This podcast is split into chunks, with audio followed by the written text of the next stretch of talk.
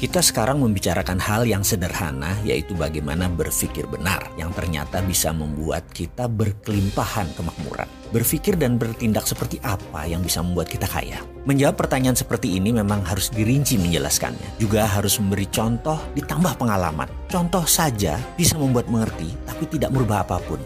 Konsiusnya tok yang pinter tapi tetap incompetence, tidak berkemampuan.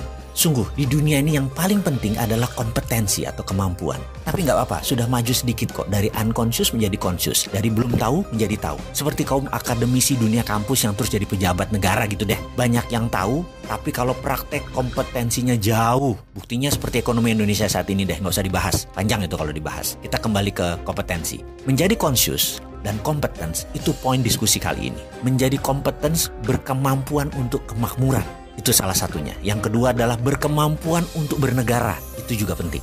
Kita mulai dari berkemampuan, kemakmuran terlebih dahulu. Tugas pertama kita adalah bagaimana prosperity conscious atau software kaya itu dipasang di dalam pikiran kita. Gampang itu. Caranya yaitu kita ubah pengetahuan consciousness tadi menjadi berbentuk objek. Kita harus mampu membuat isi kepala sahabat semua terpasang objek tersebut agar lebih visual. Kita beri ilustrasi sebelum kita masuk ke topik bagaimana memasukkan prosperity conscious ke dalam pikiran. Sebagai contoh dulu ya, misalnya seseorang perokok. Baik, saya ini tidak mengatakan bahwa merokok itu buruk. Saya selalu mengatakan merokok itu baik, tapi tidak merokok itu lebih baik. Jadi teman, perokok tadi ingin berhenti merokok atau quit smoking. Bagaimana caranya? Karena dia sudah melakukan apa pun tapi tetap tidak bisa berhenti. Dia sampai stres karena banyak menggunakan cara-cara atau melakukan hal-hal yang tidak cepat untuk menyelesaikan masalah rokoknya. Maka apa yang kita lakukan?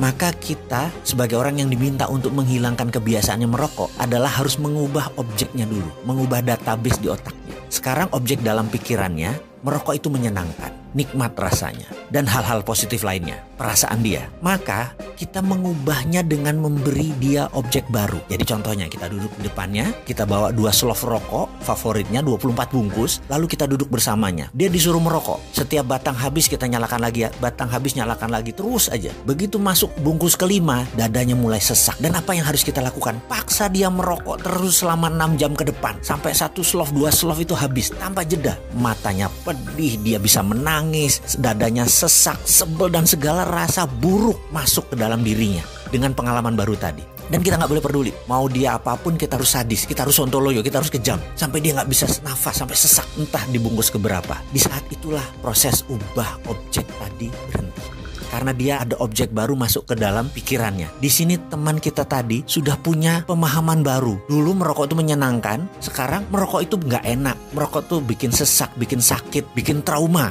Dan dengan seketika dia pun berhenti merokok. Di sinilah seninya kita meletakkan database di kepala seseorang tadi. Merubah objek lama merokok itu enak menjadi merokok itu menjadi tidak enak. Dan dia langsung quit smoking. Keterampilan merubah sesuatu objek baru tersebut dikenal dengan istilah dalam aplikasi psikologi adalah Progressive Object Experience Technique. Kita akan masuk mulai dari situ. Jadi sekarang sudah mulai paham kalau anak keranjingan gadget. Sudah tahu dong bagaimana solusinya sekarang. Atau kalau suami selalu pulang malam. Sudah tahu dong bagaimana mengendalikan suami sekarang?